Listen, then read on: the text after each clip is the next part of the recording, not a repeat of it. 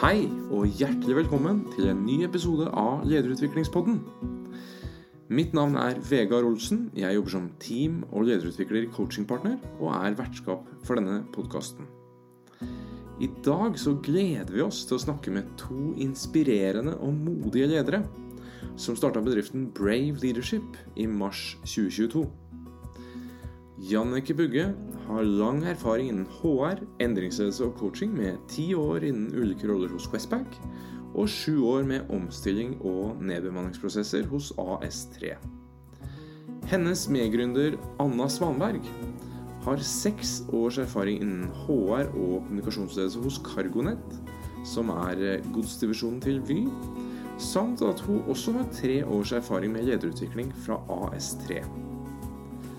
Og til sammen så er de nå altså Brave Leadership. Og vi gleder oss til å høre om hvordan Brave Leadership ble til, hvorfor modig lederskap er viktig, og ikke minst hvilken rolle modighet spiller i det å utvikle seg videre som leder. Og med det så ønsker vi deg hjertelig velkommen til Lederutviklingspodden.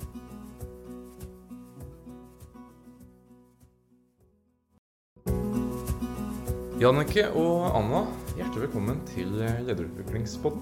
Tusen takk. Veldig hyggelig å få lov til å være her. Så bra.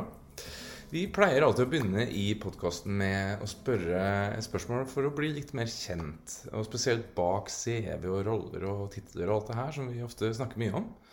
Men vi skal si noe bak det, hvem er du? Eller hvem er egentlig du, kanskje? Dere velger så hva dere vil dele. Men hvis du vil begynne, Anna, for å bli mer kjent med deg, hva vil du dele? Takk for det, Vegard, og takk for at du legger opp til at vi ikke skal snakke om disse titlene og jobben.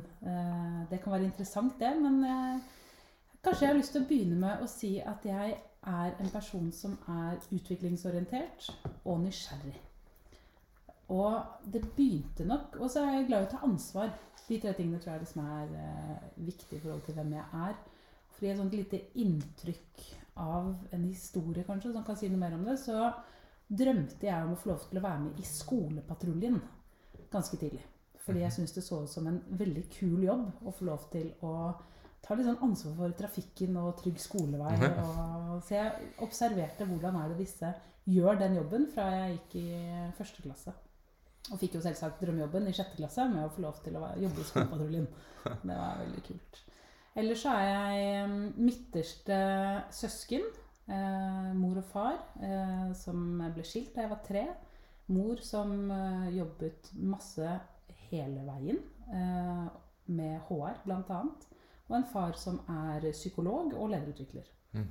Så jeg har nok fulgt i begge mine foreldres fotspor sånn sett. Mm. Ellers er jeg en hestejente.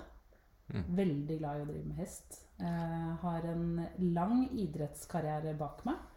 Og det har nok eh, også preget mye av hvem jeg er i dag. Ja, Så bra. Kjempebra. Takk for det. Og hva med deg, Jannicke? Hva vil du si? Hvem er du bak titler og roller osv.? Ja, det var det, da. Jeg har, alltid, jeg har lyst til å finne litt sånn hm, hva, skal jeg, hva skal jeg fortelle i dag? Mm, jeg Av person, så hvis jeg skal trekke frem tre ting, så tror jeg det er en um, veldig følsom sjel. Um, jeg, jeg, får med meg det aller meste som skjer på sånne emosjonelle plan. Det kan være virkelig på godt og vondt. Mm. Og så er jeg veldig glad i å holde på med ting. Så jeg liker å gjøre veldig mye. Jeg liker å, å være i aktivitet. Og kanskje kommer det litt fordi jeg har vært eh, skijente. Er skijente i, i sjela. Eh, gi meg et par ski bortover, nedover. Jeg har kjørt Telemark, jeg har prøvd meg på snowboard. Jeg altså, jeg er Mm. veldig, veldig glad i vintersport. Vinteren er din tid, eller? Men Det vet jeg ikke om jeg kan si, men jeg er veldig glad i alle sesonger. Ja. Jeg føler meg veldig heldig privilegert som bor i dette fine landet som har skiftende. Jeg liker forandringen. Jeg liker endringen når den ene fasen går over til en annen. Mm. Og så er jeg um, uredd på ganske mye. Mm.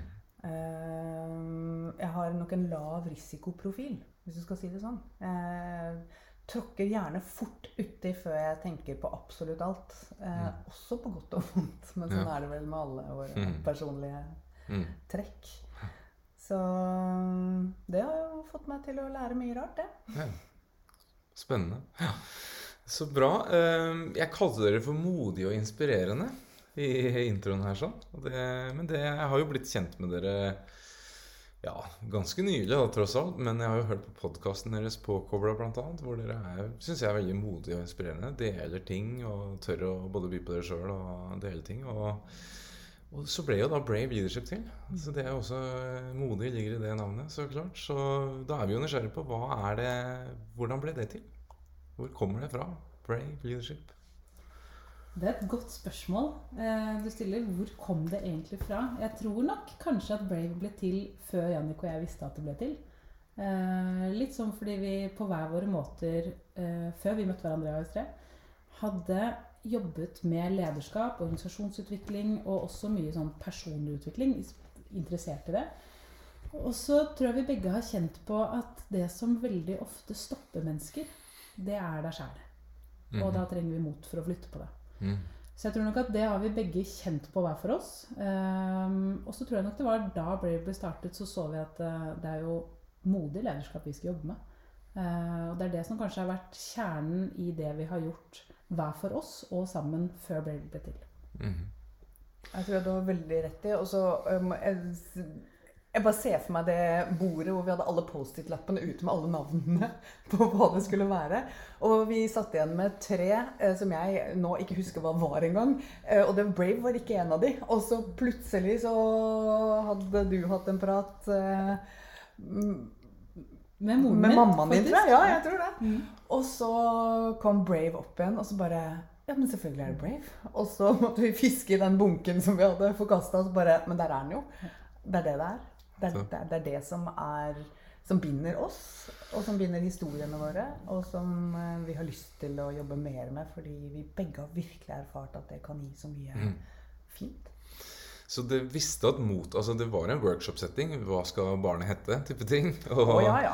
Men, men før det før dere, visste, før dere fant ut hva barnet skulle hete, var det mot allerede da klart? Eller ble mot til som en sånn ordlyd i den workshop... eh, Mot ble nok til mer og mer underveis. Jeg tror navnet kom først. Men når vi liksom kan se i retroperspektiv, da, tilbake igjen, så ser vi at eh, mye av det vi har jobbet med før, har jo handlet om å være modig. Ja. Bruke motet sitt i lederskapet. Ja. Um, men det ble kanskje tydeligere etter at navnet kom. At det var det som liksom skulle være det vi skulle drive med. Ja. Det var nok mer sånn vi skal lage et eh, kult lederutviklingsfirma. eh, hvor eh, det er plass til at ledere kan vokse og utvikle seg. Men ikke helt visste vi hva det skulle være. Hva skulle være vår nisje. Mm. Eh, det kom senere.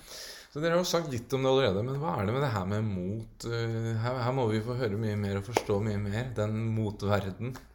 Hva er det med det her med mot, da? Som, altså man, man velger jo hundrevis av vinklinger på lederutvikling, og dere valgte mot. Hva, hva er det med det mot som er så viktig i ledelse? Eller generelt?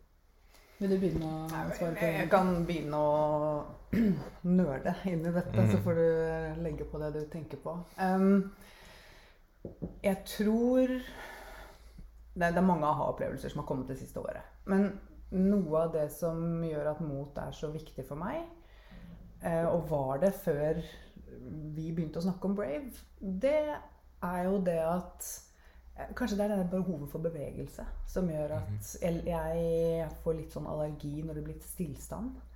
Når jeg føler meg låst i ting, når jeg føler meg fanget i ting, når jeg ikke ser en utvei på ting. Når jeg fristes til, som jeg sikkert vi alle gjør, å si eh, Eller å plassere det som frustrerer meg, utenfor meg sjøl. Du sa ansvar, Anna. Jeg tror nok jeg også er mm, fora med ja, både teskje og store skjeer på at eh, vi tar ansvar for det vi gjør. Har vi sagt ja til en oppgave, så fullfører vi den. Litt sånn punktum. Det du gjør, gjør det fullt og helt, og ikke stykkevis og delt, sa min far. Og det er jo sånn som jeg tar med meg som er viktig. Og i den for meg så ligger det veldig, veldig mye ansvar. Så de gangene jeg kjente at jeg hadde lyst til å plassere vanskelige situasjoner, skylde på noen, da. Eh, de gangene jeg hadde lyst til å bare mm, bli sinna, eller kanskje til og med gå i fella og føle meg som et offer for et eller annet, så visste jeg at de situasjonene likte jeg meg selv skikkelig dårlig. Mm. Uh, og i, det her har jeg ikke sett opp gjennom hele veien, men, men retrospektivt så tror jeg jeg kan se at det jeg har brukt av ressurser, da, det har vært mot. Mm. Det har vært å ikke la meg stoppe av ting som jeg syns er vanskelig. Og mange ganger har det tatt mange år. Det er ikke det, er ikke det at dette er enkelt å gjøre sånn over natta. Men liksom, hvis jeg skal koke ned um, essensen av alt sammen nå, så tror jeg det handler om at eh, jeg har fått lov til å heldigvis erfare og se at det å gå igjennom de tingene som er vanskelig å ta ansvaret for det, det krever masse mot, og det er så innmari verdt det. Mm. Så tror jeg hvis jeg har lyst til å liksom trekke inn Altså hva er mot, da? Ikke sant? Vi har fysiologisk mot, som jeg tror vi alle kjenner til, som handler om å kanskje møte noen fobier vi har da, om det er å hoppe fra en høyde, snakke foran andre mennesker, eh, holde en slange. Eh, altså disse tingene. Men så har du det psykologiske motet, som er det vi bruker når vi snakker om lederskap. Mhm. Og da syns jeg det er fint å gå til etymologien i ordet Ordet. 'courage', som handler om å snakke fra hjertet. Ja. Uh, og veldig ofte så, hvis vi skal se på lederrollene våre, da, så er vi redd for å gjøre ting fordi vi enten um, er redd for hva vil det gjøre med rollen vår, posisjonen vår, hva vil andre tenke om oss? Um, og så stopper det oss fra å kanskje gjøre det som er riktig. Ta den krevende samtalen.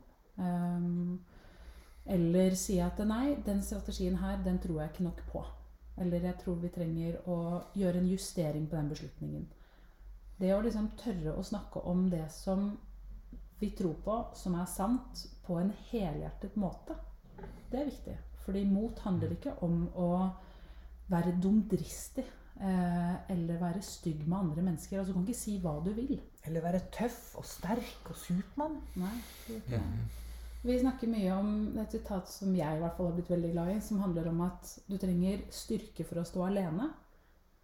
Og så trenger du mot for å lene deg mot noen. Og jeg tror at vi har blitt Ganske mange er veldig sterke.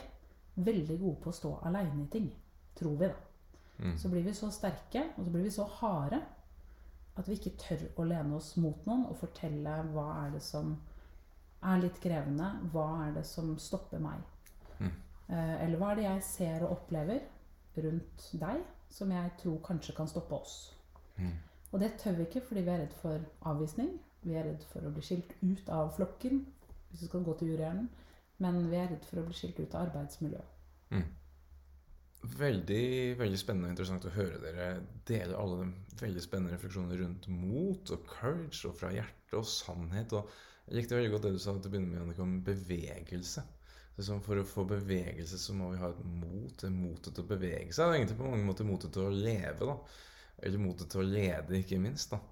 Så det er sånne refleksjoner som slår eh, meg. Um, du har kanskje, dere har kanskje sagt litt om det allerede, men hva er det som hindrer oss da til å bevege oss, eller til å være sanne eller fra hjertet? Og hva står i veien? Jeg tror ofte det er frykt. Mm. Uh, og jeg tror ofte den frykten gjør vi veldig mye større enn det den egentlig er. Um, og vi snakket litt om det i forhold til det med, med frykten for atskillelse. Frykten for å være annerledes, frykten for å ikke passe inn, frykten for å såre noen. Uh, frykten for at du har feil, frykten for at ideen din ikke er god nok. Og når vi har alle disse fryktene og tankene våre, så tør vi jo ikke å si det. da. Tør ikke å gjøre så mye mer med det. Tør ikke å teste det ut. Hvis vi ikke tør å teste det ut, så vet vi heller ikke om den frykten er reell. da. Mm. Jeg tror vi lager de fryktene større enn de trenger å være. Mm, Jeg tror de fleste kan kjenne seg igjen at det er mer behagelig å ikke si noe. Altså, Det er, bare, det er øyeblikks... Men det er litt som å tisse i buksa. da. Det er litt sånn, ja, du, det blir ikke borte akkurat her og nå, men jeg pleier å si at eh, Og jeg tror de aller fleste har det sånn her.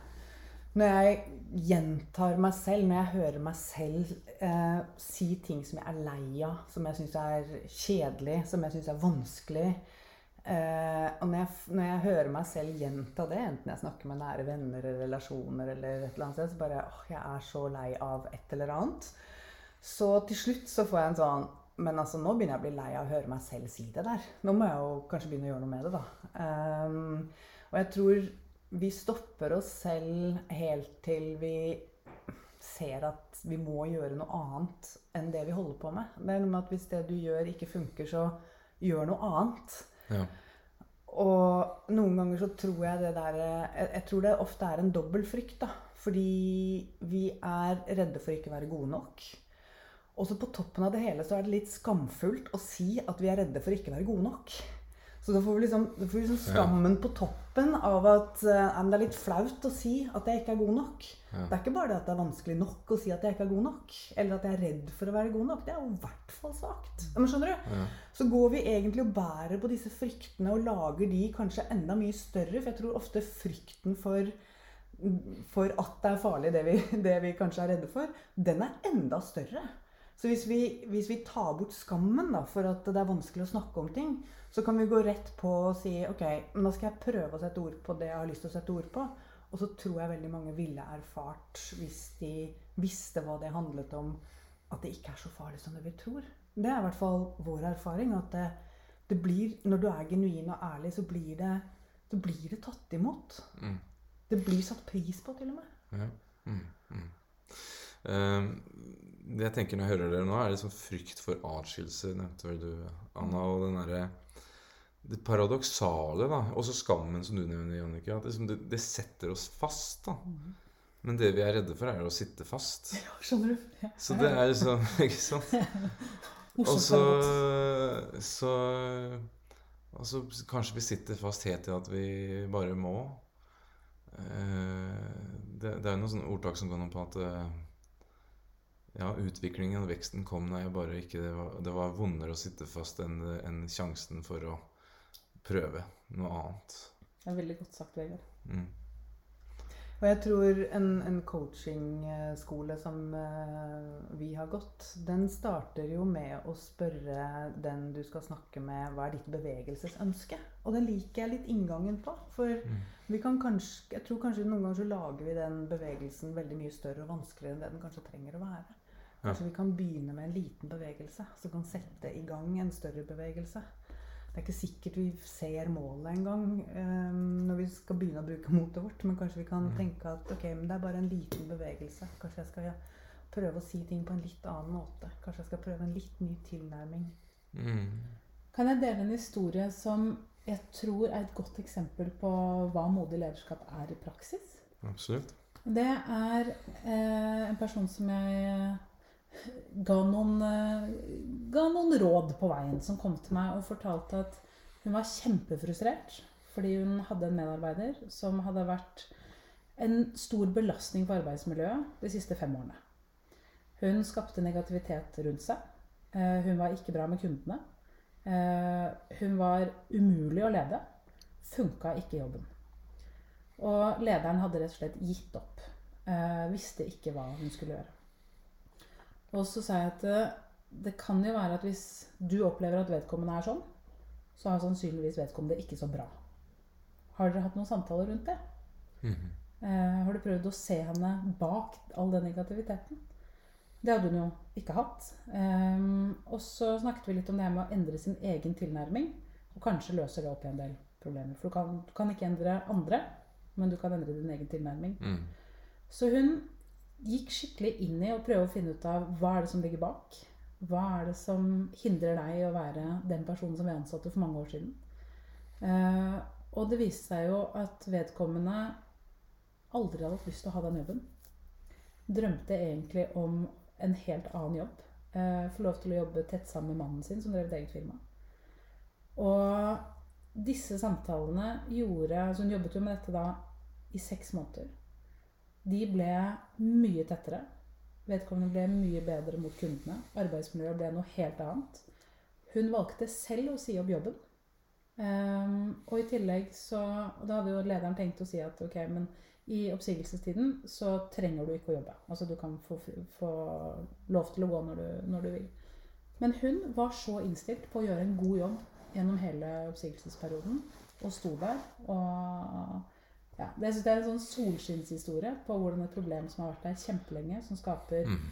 ubehag i avdelingen for lederen og for kundene, og så velger du en ny tilnærming og møter vedkommende der den er.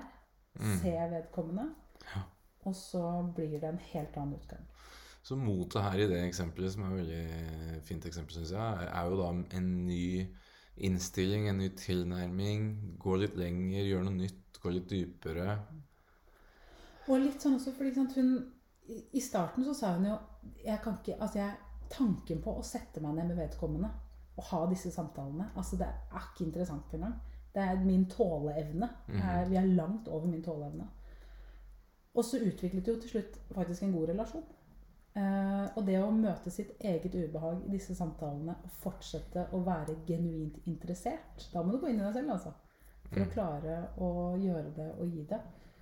Og så faktisk slippe opp de gamle mønstrene man har hatt. da. Mm. Se etter nye løsninger. Og så tenker jeg det med tå tåleevne, altså det derre Altså, vi, vi lager veldig mye historier og, og, og sannheter og det som kommer fra frykter. Og klart, noe av det har jo noe i godt har jo noe, Det er noe i det også. Men at de, de, de, de blir så sanne, de sannhetene, og, hva, om, og ikke minst om hva vi tåler.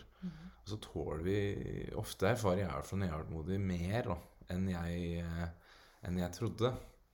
Og så, så blir det faktisk bedre, da. Og, og, og det er jo en, en annen ting jeg tenker på når jeg hører dere, er det der med liksom, altså, Det er på en måte en kjærlighet da, i å være litt mer åpen, prøve å se mennesker litt mer bak. Og, og det er klart, noen er kanskje det med kjærlighet litt klisjé, men altså det er kjærlighet altså, Hva er det står i Bibelen om at eh, love Hva er det for noe, de tre ordene? Og love er liksom det som forandrer mest. Eller kjærlighet er det som forandrer mest. Kjærligheten holder alt, tåler alt, bærer alt. Ja, Ikke sant? Så det er på en måte, det, er- det er en måte Mens kanskje man krever den kjær, Ikke krever, det blir kanskje feil ord, men at det, en del av ingrediensene i det å, å ha kjærlige, åpne og, og caring på, på engelsk, eh, som blir kanskje litt mer enklere det, Samtaler, det er, det er det å ha nok av det motet. Du snakker mye om tough love, Jannicke. Jeg elsker å snakke om tough love. Og så kan vi jo godt si noe om at kjærlighet ja, jeg, jeg tror det er en Jeg tror det er en litt sånn uskreven sannhet at kjærlighet er noe du driver med på privaten. Uh, og for meg så er kjærlighet veldig mye større. Uh, fordi jeg Vi tror jo helt og holdent på at høres flåsete ut, men folk gjør så godt de kan. Og jeg tror vi, vi gjør, eh, både i lederskap Nå tenker jo vi i Brave at vi er alle ledere. Vi, vi har alle påvirkning på mennesker. Så én ting er lederskap i en organisert eh, hierarkisk struktur, men, men vi har påvirkning på hverandres liv alle sammen. Eh, I nære relasjoner så leder og følger vi i, i bølger, i flo og fjære. Um, og jeg tror vi, vi dømmer mennesker så altfor fort basert på den atferden vi ser, og så kaller vi det noe i vårt eget system, eh, i vår egen tanke.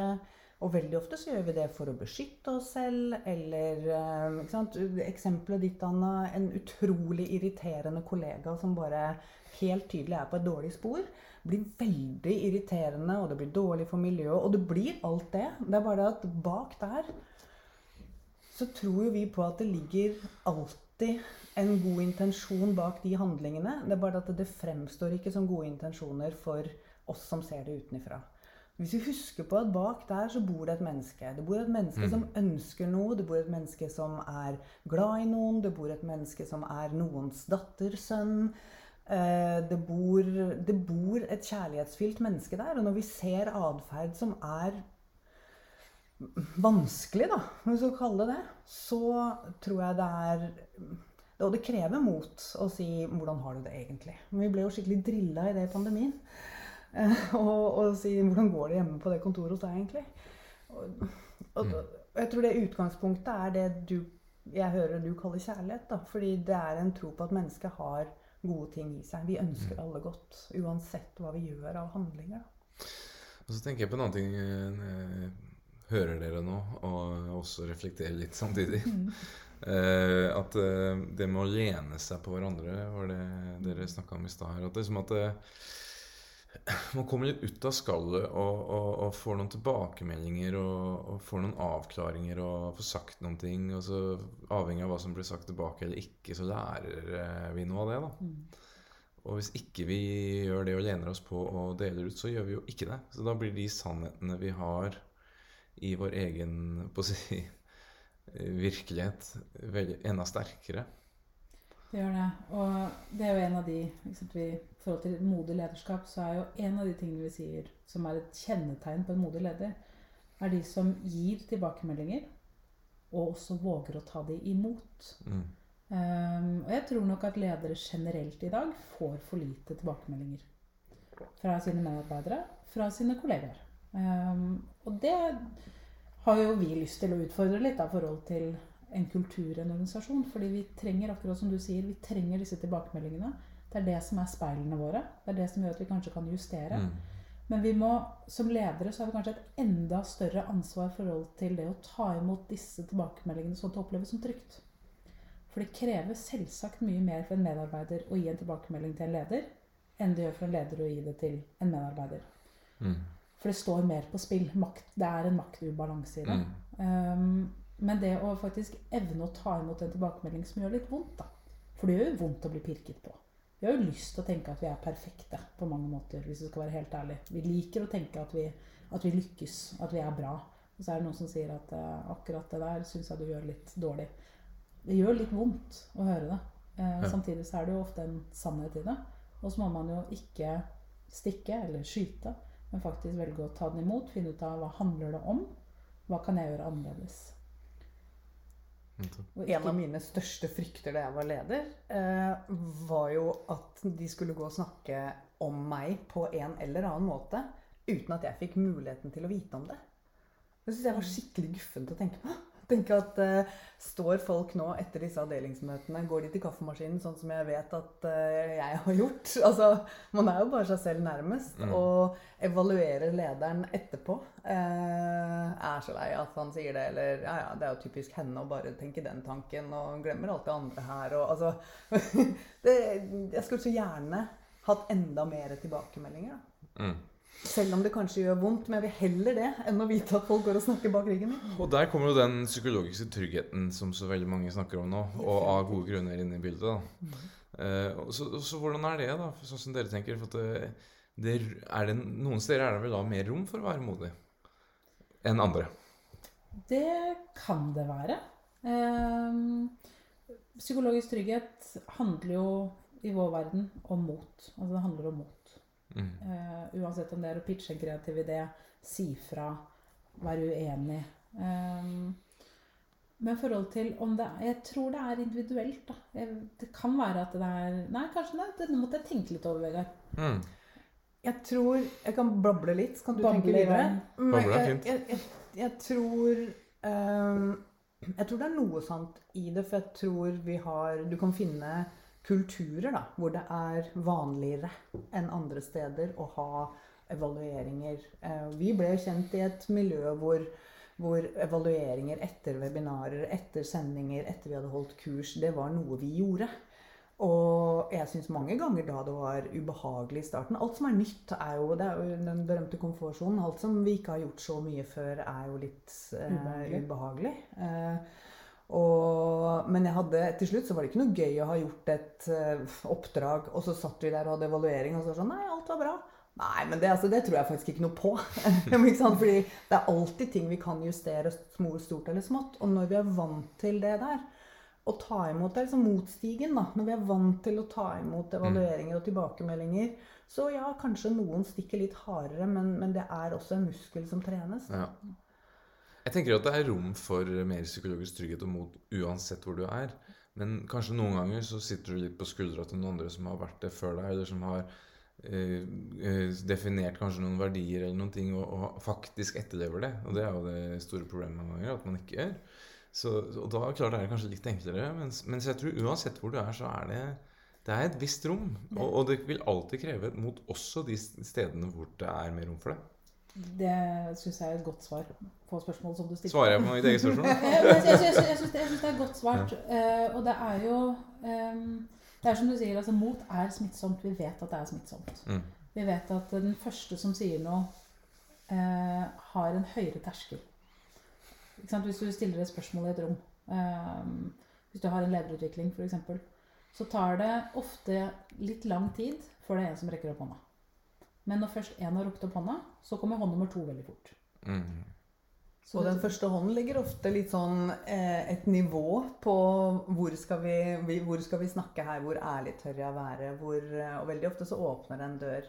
Noen ganger så kan det gjøre at folk åpner flere dører, selvfølgelig, men veldig ofte så setter den første litt sånn Ok, der er vi. Og det kan jeg også tørre å dele. Og så kommer neste, og så utvikler det seg. Mm. Mm. hvis man er inne i en ledergruppe f.eks., og så er det den første som sier at uh, man har et annet perspektiv. Mm. Uh, det krever litt å tørre å si det. Men det som er gøy med, er at da er det plutselig ganske mange som har andre perspektiver. Mm. Mens i starten så trodde man kanskje at det var bare ett annet perspektiv. Mm. Eh, så En det ting jeg tenkte på nå når vi snakker om det, er det å stille dumme spørsmål. Jeg er veldig glad i det. Jeg har blitt veldig glad i det. Mm. Fordi at jeg har gjort det en del ganger opp igjennom. Og stort sett alltid så har, det, har jeg lært noe av det, og så har jeg lært at det var ikke så dumt allikevel. Det var noen andre som lurte på det også.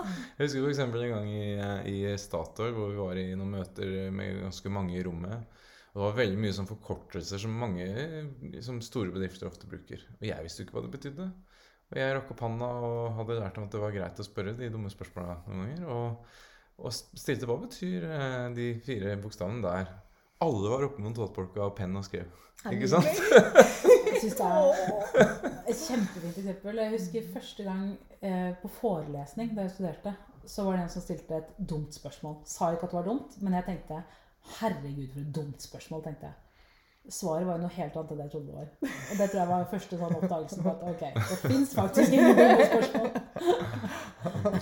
Nydelig innrømmelse, da. Au! En annen ting jeg sitter og kjenner veldig på nå når, når vi reflekterer her sammen, og det er jo noe av grunnen til at vi gjør podkasten og syns det er så gøy og spennende. Og jeg blir veldig inspirert nå. Og en ting som inspirerer meg veldig nå, er det der med tanke på det med å lene seg på andre og bevegelse. Og, og selvutvikling, eller lederutvikling om du vil, da, eller det er jo det vi snakker mest om her, så, så er jo ofte så er det noe som vi ser fra ja, men det er noe som en leder gjør for seg. Studerer noen ting, eller får noe coaching, eller hva det måtte være. Mentoring. Mens det vi snakker om, er at den selvutviklingen, eller utviklingen, skjer best sammen med andre. Og det er vel noe jeg har erfart mye sjøl òg, og det er litt sånn paradoks for meg sjøl på en måte nå. For at nå gjør jeg veldig mye én-til-én lederutvikling og coaching, som er veldig veldig bra og får masse effekter ut av det. Men en av grunnene til at jeg ønsker å gjøre det mer i grupper og rom, er jo nettopp det dere snakker om her nå. At når du hører noen andre som stilte det spørsmålet på den måten, eller sa noe på en viss bestemt måte, så plutselig så tenkte jeg på den saken her på en helt annen måte. Eller jeg tror at jeg er sånn og sånn. Jeg har jo min egen sannhet og mine egne historier om hvordan jeg Mm. ser på meg selv. Og så blir jeg oppmerksom på i en relasjon eller fra en lederkollega eller kanskje hele ledergruppa mi gjør meg oppmerksom på at det er ikke sånn jeg fremstår i det hele tatt. Mm. Eh, eller jeg går i overslagene mine. Jeg er altfor mye det, så de ser ikke hvilken fantastisk egenskap det er. Altså, Der har du jo masse forskjellige vendinger på Vi trenger, som Anna sa, vi trenger jo speilene fra hverandre Ja. for å forstå hvordan vi fremstår. ja. Og det er jo igjen nesten sånn paradokset med lederutvikling og selvutvikling, at eh, noen ganger forstår vi oss best sammen med andre. Jeg husker ikke om det er Bård Fyn som sa det, men han sa så fint at Jeg tror det var han som sa det. At vi blir til i relasjon med andre. Og det syns jeg er en fin måte å se det på. At eh, jeg kan være meg med alle mine tanker og bekymringer og gode ideer og dårlige ideer og det her. Men det er jo først når jeg er sammen med andre at jeg kanskje egentlig blir til. Så, så på mange måter, ut fra alt det vi snakker om her nå, så når vi sitter fast, og det gjør vi jo alle sammen i et liv og i et lederskap, eh, både stadig vekk og her og der, så er jo det egentlig på en måte en sånn bevis på at nå må jeg ut på en eller annen måte. Jeg må beve ha bevegelse på en eller annen måte. Snakke med noen, dele noen, eller hva det måtte være. Så syns jeg det er så fint, og det har du sikkert erfart mange ganger i jobben din også, Vegard, når man jobber med grupper, med at eh, det sitter jo så mye kompetanse. Altså alle ledere har jo kompetanse. Mens vi har kanskje ikke vært borti akkurat de samme problemstillingene. Men når vi kan legge noe på bordet sammen, så får vi ulike vinkler. Vi kan gi råd, vi kan sparre, vi kan lære av hverandre. Så jeg tror lederutvikling på mange måter også handler om å skape disse rommene for disse ledergruppene eller teamene. Mm. til å reflektere sammen, finne løsninger og lære av hverandre. Mm. Mot og modighet. Eh, nå skal jeg stille et stort spørsmål, men eh, vi skal ikke bruke en hel podkast på det. Men, men altså, er det en ferdighet? Er det en, er det en kompetanse? Er det en innstilling? Er det kanskje litt alt sammen igjen? Eh, og, og liksom hva ja, Nå stiller jeg liksom doble og triple spørsmål her, men det er jo greit. Men, og, og ikke minst, er det noe som vi kan da øve på? Så hva, hva, er, hva er deres eh, Det har dere helt sikkert noen gode svar på. Mot er en ressurs alle mennesker har. Mm. Vi er ulikt trent på å bruke motet vårt. Og jeg tror også vi ikke nødvendigvis er så bevisst på hverdagsmotet vårt. Hvis vi kan si litt sånn at i gjennomsnitt så er vi mennesker redde ca. 100 ganger om dagen. Det er Og da trenger vi ganske mye Det er et perspektiv, et ganske interessant perspektiv. Og det er jo små mikrotanker som dukker opp i hodet vårt. Som er urhjernen vår som varsler oss om ulike ting som vi skal være redde for. Um, og i hvilken grad reflekterer vi rundt det? Det tror jeg vi ikke gjør så veldig mye. Kanskje er det også veldig bra. Det kunne blitt ganske slitsomt. Men vi, vi har mot. Alle mennesker har det. Og så tror jeg vi trenger å bli mer bevisste, for først da kan vi begynne å trene på det. På mange måter så handler det om å stå i et ubehag og takle det ubehaget. Og så som du sa så fint, Annike, bevege seg gjennom det, ikke gå rundt det. Men vi har ulike ting som vi syns er modig. Jeg kan f.eks. synes at du er kjempemodig, Vegard, som driver med lederutvikling i USA. Eh, For meg så er det modig. Eh, For deg så er det kanskje ikke så modig. Mm. Det, er- det er spot on. Jeg tenker at ja, men jeg driver jo bare med noen sånne ting borti der med en avtale som jeg har hatt lenge, og det er jo bare hverdagen min. Og så glemmer jo det at det er faktisk eh, en veldig bra ting, og det er ikke så mange som gjør det eh, også. Så det, det, det er det vi blir vant med noen ganger, som vi glemmer da også. Jeg får lyst til å legge til da, at Og dette er det selvfølgelig masse forskning og masse man kan ta mange vinklinger på, men jeg tror eh, jeg tror vi kommer til denne verden med, med et utgangspunkt. Eh, enten det er genetisk eller eh, kanskje, kanskje først og fremst utgangspunktet vårt. Før vi blir påvirket av miljøene våre. Og typ Big Five, noen av de liksom større personlighetstestene, viser jo ganske tydelig at vi har litt ulike risikoprofiler. Vi har ulik eh, mengde av eh, nevrositet. Vi har ulik mengde av noen sånne grunnparametere fra starten. Eh, av en eller annen grunn. Og så kommer vi inn i en, eh, en mor-far-barn-relasjon på en eller annen måte. Som brytes, skværes, endres. Altså det, her har du jo tusen forskjellige historier. Og gjennom det så er vi også påvirket av rollemodellene våre. Mennesket er jo den spisiske arten, som bruker lengst eh, tid på å bli levedyktig selv. Det er klart vi har rollemodeller veldig, veldig lenge. Som kanskje vi har søsken som også vil vise oss hva mot er, eller hva det motsatte av mot er. Hvordan vi beskytter oss selv, og hvordan vi blir elsket. Så tilbake til kjærligheten. Hva er det, hvilke handlinger, hvilke ting er det jeg trenger å gjøre som gjør at jeg har en tilhørighet hos mine, hos mine caretakers, eller hos mine omsorgspersoner, som jeg er helt livsavhengig av. Og jeg tror gjennom alt det der så utvikler vi nurture nature. Vi utvikler eh, eh, evner og erfaringer, kanskje. Vi, vi, vi får erfaringer som forteller oss eh, hvordan mot kan brukes, ikke skal brukes. Eh, eh, og hvordan vi lærer mot som en ferdighet, da. Eh, og det tror jeg kanskje er bakteppet av alt det kloke Ja. som Anna sa. da. At det er definitivt ting vi kan lære. Det er definitivt noe vi alle har tilgang til. Og det er eh, definitivt noe som, som eh, kan bli lettere med tida. Ja. Og det høres ut som en stor, viktig del av det at det blir lettere og mer tilgjengelig, er bevisstgjøring. da. Og innsikter rundt det her. Og, og med, med bevisstgjøring så kan man ta mer aktive, bevisste valg på å være mer modig, lene seg inn i osv. Men sånn helt konkret, hvordan jobber dere med ledere? da? For at eh, de skal gjøre ledere mer modige. Er det verktøy? Er det ting? Er det? Hvordan skjer det her i praksis? Det er eh, absolutt mange verktøy og metoder i det. Men når vi snakker om modig lederskap, så bygger vi det på fire parametere. Som handler om sårbarhet. Det handler om verdier. Det handler om tillit, og det handler om resiliens. Det er liksom de fire byggesteinene, da, hvis vi skal Mhm. kalle det det. I forhold til når vi snakker om modig lederskap. Og det er inspirert av Brené Brown. Ja. Og for oss så er det jo Det er sårbart å være i en læringssituasjon. For da Mm. må du innrømme at du ikke kan noe. Ja. Ehm, Du må ta imot tilbakemeldinger. Du må innimellom be om hjelp. Du må innimellom si at du ikke forstår. Eh, Du må tørre å lene deg mot noen. Du har kanskje lyst til å gi opp? Mm. Mm. Og da er jo på en måte et verktøy, eller hva man skal kalle det, som vi ofte bruker innledningsvis i lederutviklingsprogrammer for å trene på sårbarhet, det er at alle skal ha med seg en gjenstand som de selv forbinder med en gang de har vært modige. Mm. Der er det litt sånn som Jannicke sa, forhold til hvor den første som sier noe, starter ofte hvor er det, hvor går sårbarhetsgrensen hos oss, da. Og når vi har vært modige, så har vi på mange måter vært sårbare. Fordi hvis, vi ikke, hvis det ikke er sårbart for oss, så trenger vi ikke mot vårt. Så da begynner vi ganske så fint i grupper med å dele historier som vi er ofte litt stolte av at vi har lykkes med. Vi har kjent på mestringsfølelsen. Vi har kjent på motet. Og så er det sårbart kanskje å dele den historien med andre.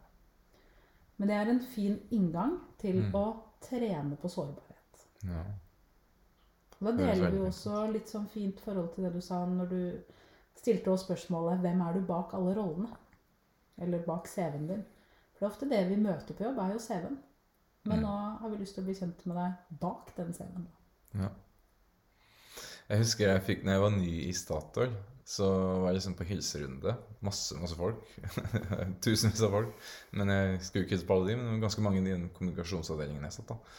Og da var det liksom spurte folk hvor kommer du fra? Og jeg liksom, hva mener du med det? Hvor jobba jeg sist? Og det, det var alltid Jeg skjønte ikke det, først, i hvert fall dag én og to, at det alltid betydde 'hvor jobba du sist'? Men jeg tenkte det var et litt rart spørsmål. Men det var skjønte jeg hva de egentlig spurte etter, da. Jeg er født i Fredrikstad. Ikke sant? Hva er kodeksen, liksom? Ja. Så mm. Og så er det jo litt sånn forhold til det du sier med, med mot. Um, veldig ofte så er det jo lettere å være modig hvis jeg følger verdiene mine. Mm. Så vi trener jo ledere mye i bevissthet rundt egne verdier og selskapets verdier. Fordi Mm. hvis det er noe som går imot selskapets verdier, så trenger vi jo å si fra. Trenger vi litt mot igjen. Da trenger vi litt mot igjen. Og hvis den jobben vi gjør, går imot egne verdier, sånn som hun damen som du fortalte om i sted eh, Veldig mye gjennom disse historiene og refleksjonene så kan jo, som hun ble oppmerksom på at hun var jo en feil jobb. Eh, og det kan man jo godt kalle at hun, hennes verdier, det som var viktig for henne, det hun egentlig hadde lyst til, kanskje de hun hadde tanker og drømmer og ferdigheter til å gjøre, det var ikke det hun holdt på med. Og når det er en mismatch i verdibilder, enten det er i egne verdier eller i forhold til, som du sier, selskapsverdier, Mm. da blir det ofte en, en kilde til frustrasjon.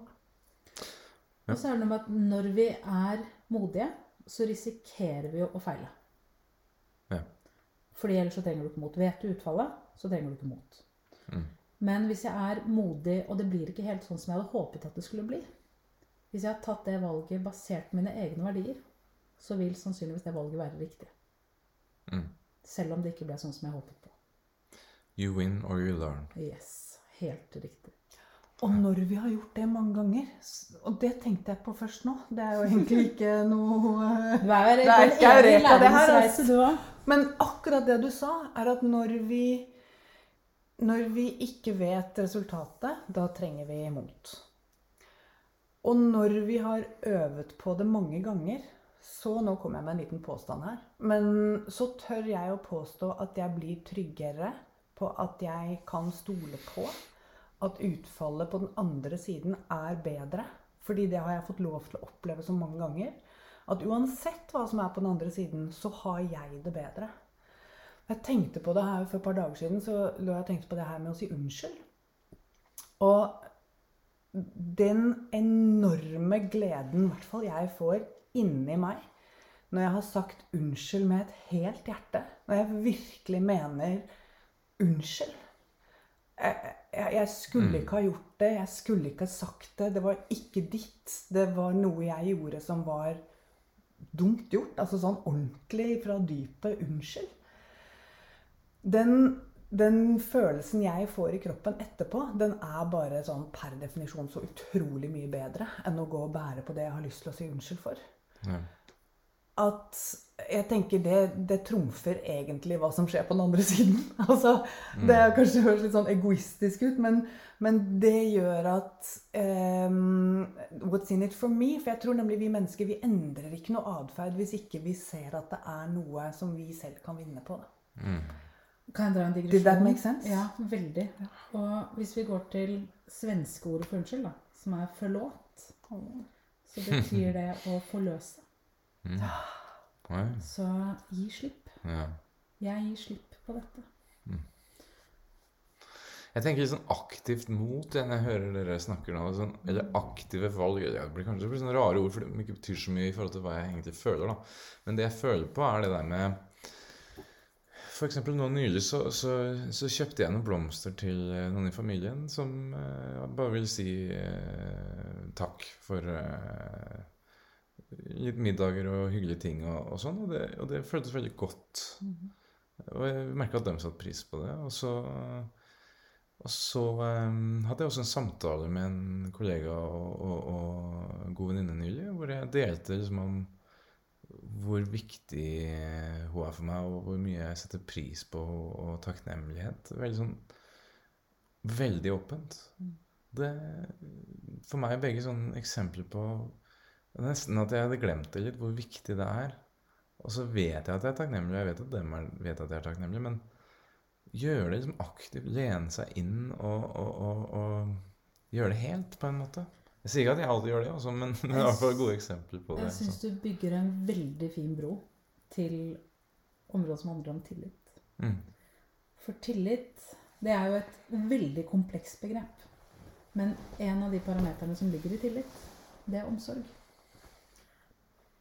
Og du viser jo omsorg ved å gjøre det. Du viser en takknemlighet for relasjonen. Og det bygger veldig mye tillit. Å vite at vi er der for hverandre. Mm. Og hvis vi har den i bunn, da, omsorgen for hverandre, si kjærligheten, men, men omsorgen, så takler vi ganske mye også. Forholdet til tillit i en relasjon. Så jeg vet at du er der. Og derfor så bygger det da resiliens. Yes. Og ett ord til om tillit. Fordi tilliten vokser når vi bruker motet vårt til å våge å utfordre og risikere noe i en relasjon. Når vi Hvis alt er bare happy-chappy eh, altså Noen sier det her med psykologisk trygghet. Ja, da er alt bare idyll, liksom. Nei, det er jo ikke det. Eh, jeg er mye tryggere på de som enten tar imot på en god måte en tilbakemelding jeg gir, eller som jeg vet at bruker sitt eget mot på å gi meg en tilbakemelding som kanskje gjør vondt, men som treffer, som jeg tenker fy filleren, takk for at du sa fra om det. Jeg vet at det krever noe å si fra om sånne ting. Eh, du gir meg muligheten til å vokse på det. det de, de, når vi kommer gjennom de i relasjonene våre, det er jo ikke noe som bygger finere tillit enn det. For da kan jeg stole på da, Vegard, at du sier fra hvis, jeg, hvis jeg tråkker over grensene dine. Eller så vet jeg det jo faktisk ikke. Det er mest du som vet. Men det er sånn i det der råe, sårbare rommet som vi driver og snakker her nå, og så tenker jeg på også eh, Ja, det kan være relativt nylig at jeg, liksom har, jeg har foreslått noen ting for noen i familien eller venner, og så har jeg sagt nei, det vil jeg ikke. Eller så har jeg fått avvisning. Og så er det vondt. Og så er det vondt, og så kjenner jeg det er ordentlig vondt. Og så kjenner jeg på det, og så blir jeg trist. Blir veldig lei meg. Men så på bakenden av det så så finner jeg ut at jeg, det er noen ting jeg vil gjøre, eller snakke med noen om av det. Og så kjenner jeg at det jeg, må jeg bare gjøre, er, for at det her er vondt, og nå trenger jeg å gjøre det. Og så gjør jeg det, og så blir det en fin ting Eller ble, da. Ikke sikkert alle det blir det, men det blir iallfall det når jeg tenker på det eksempelet jeg tenker nå. Så, så det er liksom noe med det derre motet til å leve, motet til å lede. Og det er et sånn rått. Det er et litt sånn rått felt. Altså raw da, på engelsk. Det er rått å være menneske, rett og slett. Ja. ja. ja. ja, men det er jo det. Og det er liksom sånn Det er Ja, og det, er, det, er, eh, det koker vel mye til det, ikke sant? Mot å leve, mot å lede. Det gjør det.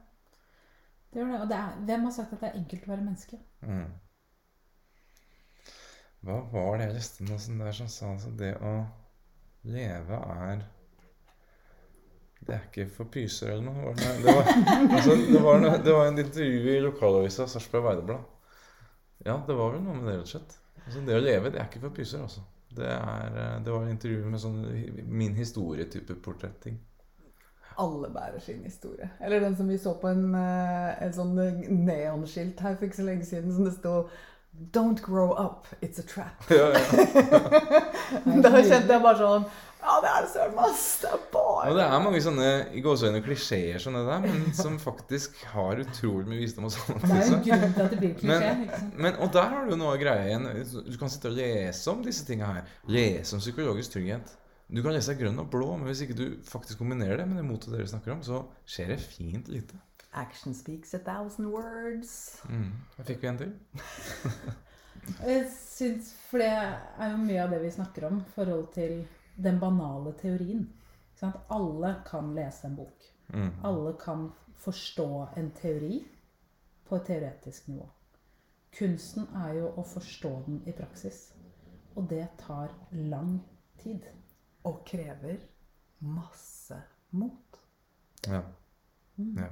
Ikke sant. Og feiling. Og feiling. Masse feiling. Og testing. Og med andre ord derfor læring. Ja.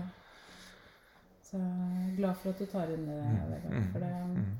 og det tror jeg vi alle lederutviklere jobber litt med. Altså når vi møter nye grupper, eh, skal snakke om modig lederskap. Da. En ny paraply, kanskje, for noen. Vi snakker om ting som de aller fleste har hørt om før. Men Ja. vi må gjenta det. Vi må snakke om det på nye måter. Og så handler det om å begynne å praktisere det. Og det er først da du kanskje skjønner hva det er. Ikke sant. Um, vi har snakka en del om utvikling allerede. Uh, men, og i lederutviklingspodden så er vi spesielt opptatt av utvikling. Og, så er jo, vi, er, vi er jo veldig der, definitivt. Uh, men så, hvordan er det dere kjenner igjen at en leder har blitt mer modig? uh, og har derfor utvikla seg? Hva er det som Hvordan ser det ut for dere? Det er et veldig godt spørsmål, syns jeg. Eh, Jeg tror nok en av de tegnene for meg, i hvert fall, personlig, det er sånn som den historien som jeg fortalte. Hvor jeg har en, liksom, en leder kom med en problemstilling. Vi snakker rundt det. Vedkommende velger å ta, altså, ta en utfordring. Jobbe med seg selv i seks måneder. Og kommer tilbake og forteller en solskinnshistorie. Mm. Eh, Det er for meg modig. Mm. Det er et tegn på at vedkommende har endret sin egen tilnærming, gått i seg sjæl, testa ut masse, bomma på veien òg. Men det er et tegn på at, uh, at en leder har vært modig. Yes. Mm. Fint. fint uh, godt eksempel og tegn på det. Ja. Har du noe, Jannicke, som du legger til på det? Ja, det er litt eh, vi var- Du var så vidt inn på hverdagsmote. Jeg tenker det er, det er, store, og små, det er store og små hendelser. Og jeg har mange historier. Jeg vet ikke helt hvilken jeg skal trekke frem som et sånt godt eksempel. Men jeg fikk en mail eh, for eh, svært nylig som gjorde inntrykk på meg. Hvor en erfaren leder eh, som jeg har hatt en samtale med. Virkelig klok og god leder på veldig mange måter, slik jeg eh, opplevde henne. eh, skriver at først etter samtalen vår så ble hun oppmerksom på hvor viktig det var å ha overskudd for å være den beste versjonen av sin lederrolle.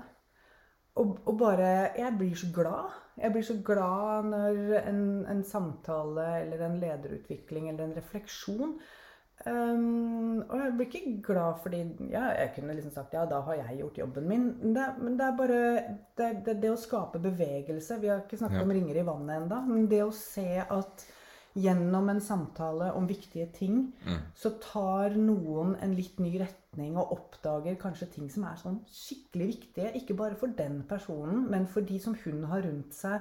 Ja. Og det blir ringene i vannet, da. Ja, ja. inspirasjon er et annet tema vi er veldig opptatt av i podden. Og jeg tenker at det har vi føler jeg hvert fall delt mye allerede. Og jeg har hørt masse gode eksempler fra dere på det. Eh, Hva er det som inspirerer dere aller mest i jobben deres? Det er å se polletten dette ned. Ja, ok. Seriøst. Aha-øyeblikket. Det er litt sånn, og det er litt sånn når du plutselig forsto teorien i praksis. Ja. Det er polletten som detter ned. Uh, vi jobbet med en ledergruppe for uh, en stund siden uh, hvor vi jobbet med endringsledelse. Og så har vi vært inne to omganger og liksom snakket om endringsledelse. Hva er det, bla, bla, bla. Og så på den tredje samlingen så sier vi liksom ja, hva har skjedd siden sist? Og de står i masse endringer. Og Så sier de faen, vi har ikke gjort noe av det vi har snakket om.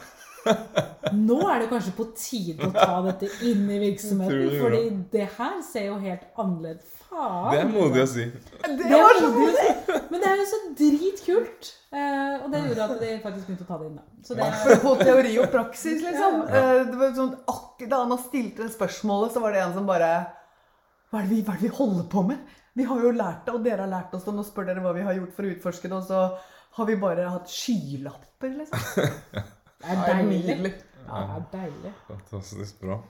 Uh, uh, ja, vi har jo blitt godt kjent med dere, og, og, og hvis, men det er sikkert noen som vil bli enda mer kjent også. Så hvis folk vil vite mer om dere og ta kontakt med dere osv., hva er den beste måten å gjøre det på? Det er enten å gå inn på hjemmesiden vår, som er braveleadership.no. Der eh, finner du både faglunsjer, som, eh, hvor vi har spilt inn YouTube-filmer som handler om modig lederskap. Mm. Følge podkasten vår påkobla. Mm. Eller søke oss opp på LinkedIn. Mm. Yes. Jeg har også lyst til å spørre eh, også helt til slutt tips. Man liksom, hvor, hvor begynner man eh, mot og lederutvikling? Jeg har lyst til å si les boka 'Dare to Lead', skrevet av Brené Brown. Mm. Hun har også en podkast som ligger ute, som heter Dare to Lead også. Hvis man er mer av lyttertypen, så har hun masse temaer hun snakker om. Den er ikke aktiv akkurat nå, men det ligger Det masse kan mat være en fin sommerinspirasjon for de som eh, vil ha litt av det på stranda eller på hytta. Så jeg vil bare si egentlig Anna og Jannicke at uh, tusen hjertelig takk for en for meg veldig inspirerende prat. Og eh, jeg kjenner at jeg både trigges og inspireres og reflekteres. og det gjør vi jo sammen. Så Jeg får det- lyst til å si at eh, det er en dimensjon som vi ikke har snakket så mye om, og det er okay. glede. Og da kan jeg bare si det i siste setningen. fordi at den derre lysten som vi har lyst til å skape, Mm. lysten til å begynne å ta tak i de tingene og kanskje innse at eh, kanskje ikke det er så farlig allikevel, Mm. den er jo den som også balanserer verdiene våre i det der å være helhjertet. For ofte så blir det litt sånn tunge samtaler om frykt Mm. og åh, det er ikke liksom Nei, jeg orker ikke mer av det der. Men, Ja. men det er jo for å skape glede. Kanskje vi kan si det sånn Tenk om det lykkes, da. Mm, yes.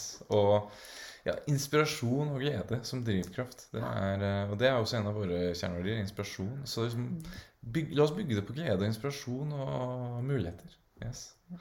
Så, så, så, jeg, ja, så jeg vil bare igjen egentlig bare si takk for, for en veldig veldig fin prat. Og ja, for all læring og inspirasjon. Og, og tusen takk for at dere var med i Lederutviklingspodden. Takk for at vi har fått lov til å være her, og takk for at du har stilt oss mange gode spørsmål som har gjort at vi har reflektert videre og lært mer gjennom denne samtalen, vi også. Så bra. Takk for det.